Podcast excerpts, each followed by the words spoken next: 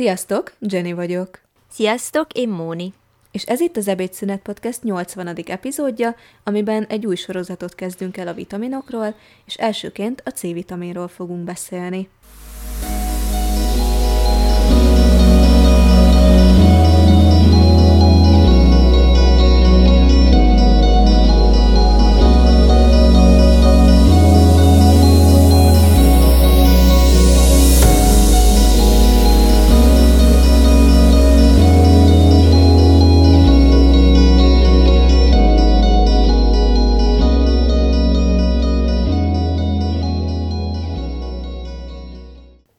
Viszont mielőtt rátérnénk a C-vitaminra, azért kezdjük a vitaminokkal kapcsolatos általános tudnivalókkal. Lesz belőlük pár. A vitaminok és ásványi anyagok eszenciális élelmiszer összetevők, melyek kis mennyiségben nélkülözhetetlenek a szervezet működési folyamatainak fenntartásához. Ezek általunk elegendő mennyiségben nem igazán állíthatók elő, tehát nagyon fontos lesz a megfelelő pótlásuk, külső bevitelük, mivel hiányuk viszont számtalan panasz vagy akár súlyos betegség kialakulásának lehet az okozója. Az emberi szervezet zavartalan működésében 13 vitamin játszik szerepet. Ez a 13-as szám egyébként azért is fontos, mert olvashattok olyanokról, hogy mondjuk B-vitamin, vagy olyanokról, amikre egy időben rámondták, hogy igen, ez is vitamin, de aztán ahogy alakultak a kutatások, ez a 13 maradt meg, és most csak a számokkal fogom mondani, tehát nem fogom mindegyiknek a, az összes nevét elmondani, de akkor így felsorolom, hogy ez a B1, a B2, a B3, a B5, a B6, a B7, a folsav, amit azért mondok így, mert azt B9 és B11 néven is megtalálhatjátok, a B12, a C-vitamin, a D-vitamin, az E-vitamin, a K-vitamin és az A-vitamin. Tehát ez a 13 az, amit jelenleg vitaminként tartunk számon. És akkor nézzük is meg, hogy mi a helyzet ezeknek a bevitelével Magyarországon. A 2014-es OTAP felmérés alapján, amit hát még mindig ezt kell alapul vennünk, mert a 2019-esnek sajnos még mindig nincsenek meg az eredményei. Na de, ennek alapján A vitaminból, D vitaminból, folsavból, biotinból, pantoténsavból alacsony a bevitel az ajánláshoz képest. A férfiak viszont legyenek büszkék magukra, vitaminbevitelből sokkal jobban teljesítettek. Általánosságot tekintve viszont elmondható, hogy a C-vitamin, a B1 vitamin, a niacin, a B6 vitamin, a B12 vitamin bevitel általában megfelelő a magyar lakosság körében. A megfelelő vitaminellátottság fenntartásához és a vitaminhiány megelőzéséhez viszont elengedhetetlen a változatos táplálkozás, a zöldség-gyümölcsfogyasztás növelése, a lakosság tájékoztatása az egészséges táplálkozás irányelveiről, ezen vagyunk mi állandóan, az élelmiszer alapú ajánlások, az egészséges élelmiszerválaszték megteremtése, és lényeges még a közétkeztetésre vonatkozó táplálkozás egészségügyi előírások betartása és betartatása is. Ismerünk provitaminokat, amik biológiai aktivitás nélküli vegyületek, tehát még semmi hatást nem tudnak kifejteni addig, amíg a szervezetben vitaminokká nem alakulnak. Sőt, vannak antivitaminok is, amik bizonyos vitaminok hatását korlátozzák, például úgy, hogy hasonló a molekula szerkezetük, mint a vitaminoknak, és ezért az enzimekből ki tudják szorítani a vitamint, és ugye így gátolják az enzimnek a hatását, tehát ennek következtében bizonyos élettani folyamatokat is gátolnak. Mivel nem állandó a szervezetünk, ezt ugye nagyon-nagyon sok szempontból lényeges szem előtt tartani, ezért ugye a vitamin szükséglet sem egy olyan dolog, hogy mindenki számára ugyanannyi mindig. És akkor mik is lehetnek azok az állapotok, amikor növekedhet ez a vitamin szükséglet? Ilyen lehet például ugye egy hiányos étrend, ami nem biztosítja a megfelelő vitamin vagy akár ásványanyag bevitelt, de ilyen lehet még a terhesség is, vagy az, hogyha antivitamin hatású anyagok vannak nagy mértékben jelen az étrendben. Megnövekedett szükségletet okozhatnak még a felszívódási zavarok, vagy a mértéktelen alkoholfogyasztás, a dohányzás, vagy például bizonyos gyógyszerek hatása. Ha csoportosítani szeretnénk a vitaminokat, akkor az oldhatóságuk az egyetlen olyan tulajdonság, ami alapján két fő csoportba lehet őket sorolni. Vannak a zsiradékban és a vízben oldódó vitaminok, az utóbbi csoportba tartozik a C-vitamin is, amiről ebben az epizódban részletesebben beszélni fogunk. A zsíroldékony vitaminok többnyire hosszú felezési idejűek, általában jól raktározódnak. A vitaminból például akár egy évre elegendő raktárunk is lehet. De a vízoldékony vitaminokból is 2 hét kötőjel 4 hónap közötti raktárkészlettel rendelkezik a szervezet, tehát azért ez sem olyan, hogy egyik nap elfelejtettem bevinni, és akkor következő napra már kialakul a hiányállapot. A tápanyagokon belül a vitamintartalom az, amely az élelmiszerek tárolásával és vagy feldolgozásával a legnagyobb mértékben csökken. Még a friss gyümölcs, zöldség esetében is megkülönbözteti a szakirodalom a kerti frissességet a piaci frissességtől, azaz, hogy leszedés után pár órával, vagy pedig 12-48 óra elteltével kerül elfogyasztásra adott termény. És meglepő lehet, hogy például a C-vitamin tartalom a szobahőmérsékleten tárolt almában gyakorlatilag egy hét alatt teljesen elbomolhat. És azt tudtátok, hogy a mélyhűtött termékek C-vitamin tartalma havonta körülbelül 3%-kal csökken? És hát miért is javasoljuk többek között a hazai terményeket? Hogyha példaként a mangót vesszük, és annak C-vitamin tartalmát, akkor leszedés után 8 nappal szobahőn már 30%-kal kevesebb, míg 12 nap alatt már 60%-kal csökken a C-vitamin tartalma. Persze hűtéssel ez a csökkenés lassítható, de azért valljuk be, mire egy mangó elkerül a leszedés helyétől a mi asztalunkra, az elég sok idő lehet. Maga a feldolgozás és ennek módja is sokat számít. Például a leszedett borsó C-vitaminból fogyasztás után 25%-kal, blansírozás után 25%-kal, szabad levegőn való szárítás után 55%-kal, főzés után 61%-kal tartalmaz kevesebbet, mint a friss zöldség. De például a fagyasztva szárítás, mint kíméletes tartósítási technika, csak 30%-kal csökkenti a C-vitamin tartalmat. Fontos itt azt is kiemelnünk a vitamintartalmakkal kapcsolatban, hogy ez igen nagy mértékben függ az élelmiszer termelési, termesztési körülményeitől. És akkor térjünk is át specifikusabban, jelen esetben a C-vitaminra, azaz az aszkorbin savra, ami egy szénhidrát származék, a glükóz oxidációs terméke L-konfigurációsan.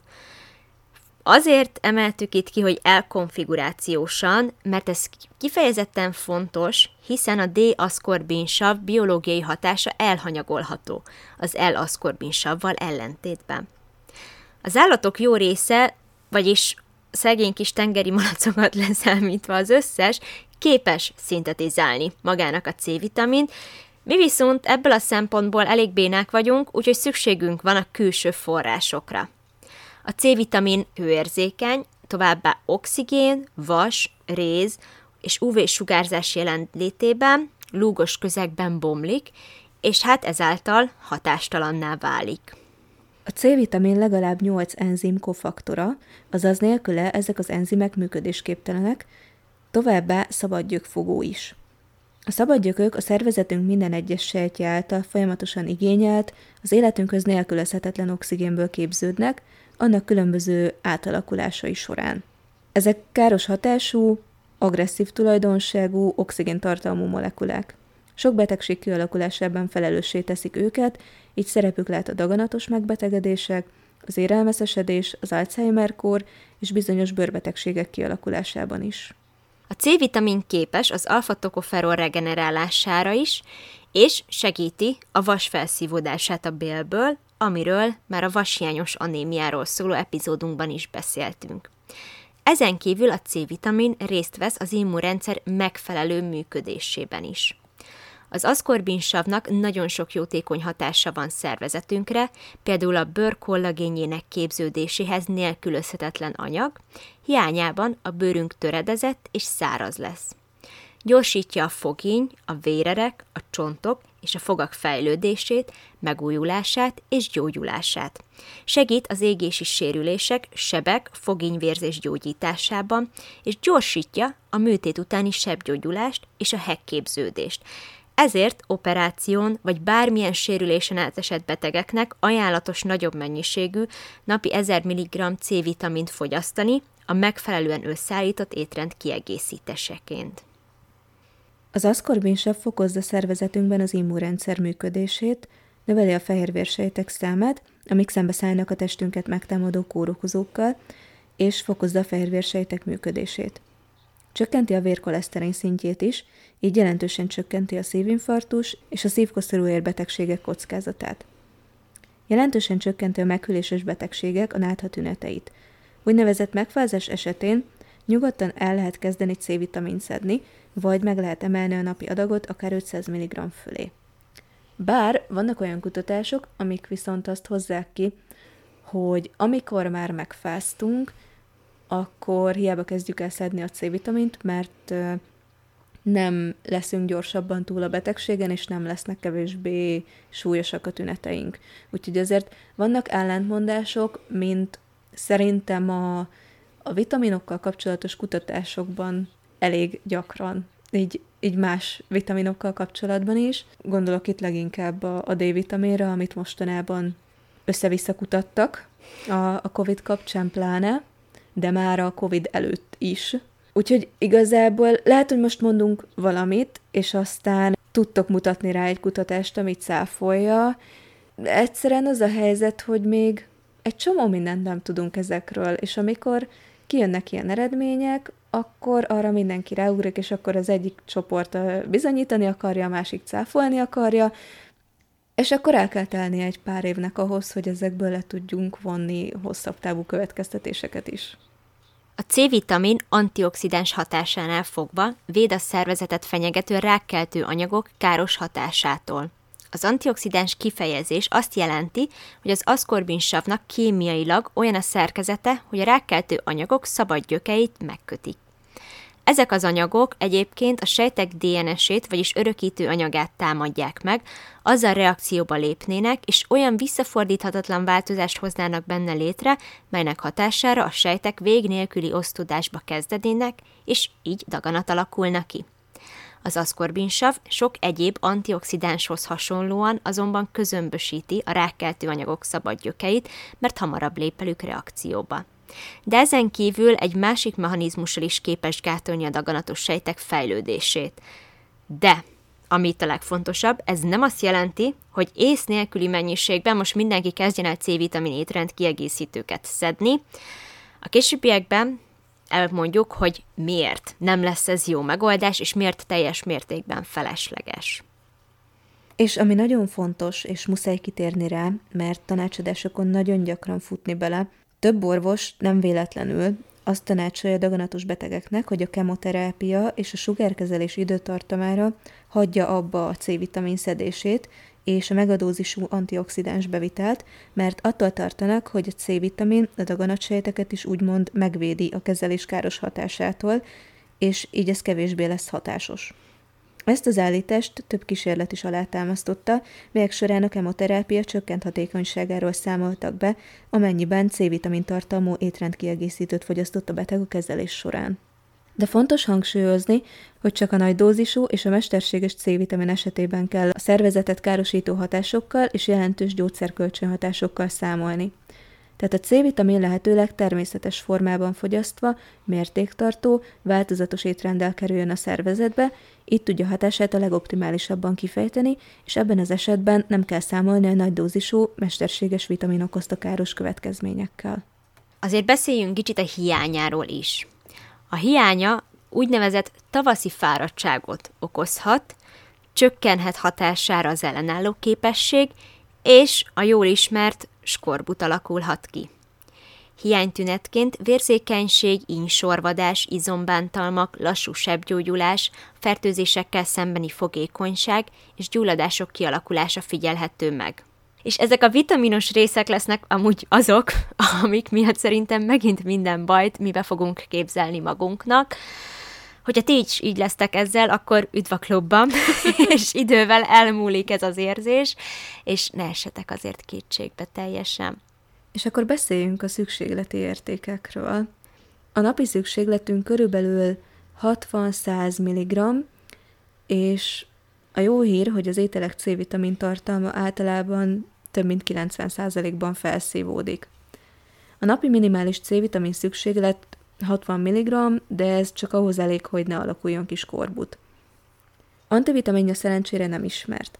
Általában a C-vitamin túlzott mennyiségben sem toxikus, annyi lehet a probléma, hogy túlzott mennyiség felett a vese oxálsavként kiválasztja, aminek hatására vesekő képződhet. A vesekövek háromnegyede kálciumoxalátból áll, így emiatt mégiscsak gátat kell szabni a mértéktelen, vagyis napi 4 grammot meghaladó C-vitamin fogyasztásnak. Napi 150-200 mg-ot meghaladó folyamatos bevitel komoly indok nélkül igazából értelmetlen, mert a raktárok feltöltődése után a teljes felvett mennyiség a vizelettel ürül. A szervezetünk raktárai körülbelül egy-két hónapig képesek biztosítani a szervezet C-vitamin igényét.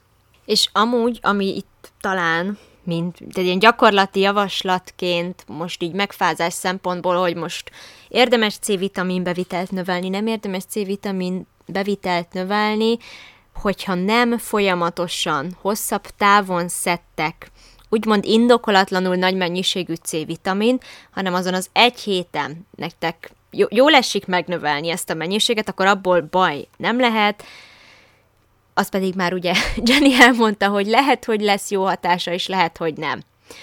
De tehát az, hogy, hogy ilyen rövid időre meg, tehát, hogy meg lesz emelve, azzal nem lesz azért probléma. Tényleg így ezt érdemes megragadni ebből, hogy hosszú távon ne legyen mértéktelen a beviteli mennyisége ennek. Mert tulajdonképpen napi 100 mg-mal bevisszük a szükséges mennyiséget, tehát igazából Igen. alapvetően nincs értelme annak, hogy hosszú távon ennél sokkal többet fogyasszunk. És ami ugye az úgymond legfontosabb lehet, hogy mik is a C-vitamin forrásaink, hiszen ez is természetes forrásokból képes a legjobb hatást kifejteni. Magas C-vitamin tartalmú, ugye a paprika, főleg, hogyha idény jellegűen fogyasztjuk és hazait választunk. De ezen kívül magas C-vitamin tartalmú lehet még a különböző citrusfélék, mint például a narancs, a citrom vagy a grapefruit, de jó választás lehet a káposztafélék is, és a bogyós gyümölcsök. És tudod, minek a legmagasabb a C-vitamin tartalma? A petrezselyemzöldnek. Igen, igen. Szerintem tanultuk, ez, ez rémlik, hogy tanultuk, és, mert, és rémlik, hogy ezért volt mindig a tankonyhán, hogy a végén kell hozzátenni a petrezselyem zöldet a leveshez, a kétharmadát vagy egyharmadát, mert hogy nem bomoljon le a C-vitamin tartalma. Igen. És azért gondoltam ezt még így hozzátenni, mert lehet, hogy az ember csak megnéz egy táblázatot, és akkor azt látja, hogy fú, a petrezselyemzöldben mennyi a C-vitamin, de hogyha átszámoljuk, hogy abból mondjuk hány grammot eszünk meg, és akkor abból mennyi lesz a tényleges C-vitamin fogyasztásunk, még mondjuk a paprikába kevesebb van, de mégis abból többet eszünk meg, tehát, hogy nem, nem mindig az a szerencsés, hogyha egy ilyen táblázatból a legelsőt kiválasztja az ember. Igen.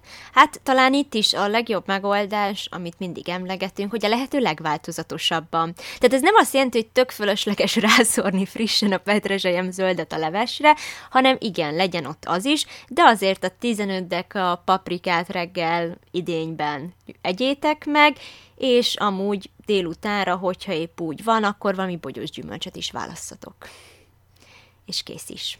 Így van, és akkor már nem ott tartunk, hogy vegyétek meg az X milligrammot tartalmazó étrendkiegészítőt. Bizony. Ugye, ahogy már az előző epizódban is mondtuk, vagy mondtam, ez a Food First elv, ez mindenhol megtalálható a dietetikában. Jó, és végül pedig még egy kis érdekességet azért hoztunk nektek. A MDOS-nek a, egy 2019-es táplálkozási akadémia hírlevelében volt, hogy az étrend kiegészítő hatását vizsgálva egy kutatásban C-vitamin napi 1000 mg és cink napi 10 mg kombinációját alkalmazták kúraszerűen megfázás esetén, ami jelentősen hatékonyabbnak bizonyult, mint a placebo. A tünetek enyhülése gyorsabban következett be, ugyanakkor a betegség időtartamának csak minimális csökkenése volt megfigyelhető. Más vizsgálatok azt hangsúlyozzák, hogy a cinkkészítmények hatása még további felméréseket igényel. Csökkentik ugyan a megfázás tüneteinek súlyosságát, időtartamát, de mellékhatásai, például ízérzésvesztés, hányinger, ugyanúgy fel, felléphetnek, és a kockázatok meghaladják a klinikai vizsgálatokban eddig tapasztalt előnyöket.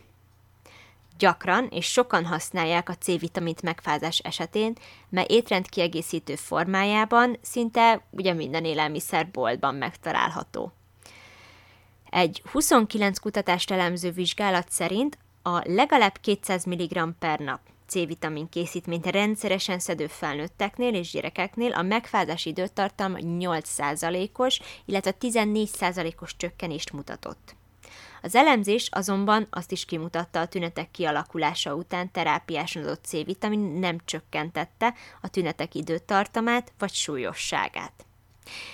Tehát ez az, amivel így tökéletesen bemutatható, hogy mennyire nehéz amúgy megfogni azt, hogy akkor most végül is a vitaminok hogy, hogy hatnak, hogy nem hatnak ilyen, szem, tehát ilyen specifikus szempontokból, meg különböző pótlások esetén, úgyhogy érdemes vitamin szempontból is mértéktartóan, de vegyesen változatosan természetes forrásokból bevinni az ajánlott mennyiségeket, és igazából szinte elmondhatjuk azt, hogy az egészséges táplálkozás irányelveit követve simán általában azért a legtöbb vitaminunk lefedhető bevitel szempontjából. Igen, ami meg nem, arról meg úgyis beszélni fogunk majd Így egy van. másik epizódban.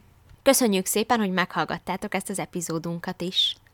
És jöjjenek a szokásos tudnivalók. Van egy Facebook csoportunk, az ebédszünet, ahova három beugró kérdés megválaszolása után tudunk titeket beengedni, és egyébként tényleg érdemes válaszolni ezekre a kérdéseket, mert most is hallgatói kérés volt, hogy a vitaminokról csináljunk epizódokat, úgyhogy mindig elolvassuk, és mindig figyelembe vesszük őket. Van egy Facebook oldalunk, az Ebédszünet Podcast hitelesen a táplálkozásról, ahol mindig meg szoktuk osztani a legújabb epizódokat, és innen ti is tovább tudjátok osztani őket, és így tudtok nekünk segíteni abban, hogy minél több emberhez eljusson ez a podcast. Van egy Instagramunk is, ezt Ebédszünet Podcast néven találhatjátok meg. Ha szeretnétek nekünk írni, de nem szeretnétek, hogy ezt mások is lássák, vagy esetleg nehogy Isten munkát ajánlanátok nekünk, mint Ebédszünet Podcastnek, akkor az ebédszünetpodcast gmail.com-ra tudtok e-mailt írni. Ha pedig szeretnétek hozzánk egyéni tanácsadásra, konzultációra jönni, akkor Mónit a diétástanácsok.hu, engem pedig a toleránsdietetikus.hu weboldalon keresztül tudtok elérni. Köszönjük szépen, hogy meghallgattatok minket, találkozunk a következő epizódban. Sziasztok! Sziasztok!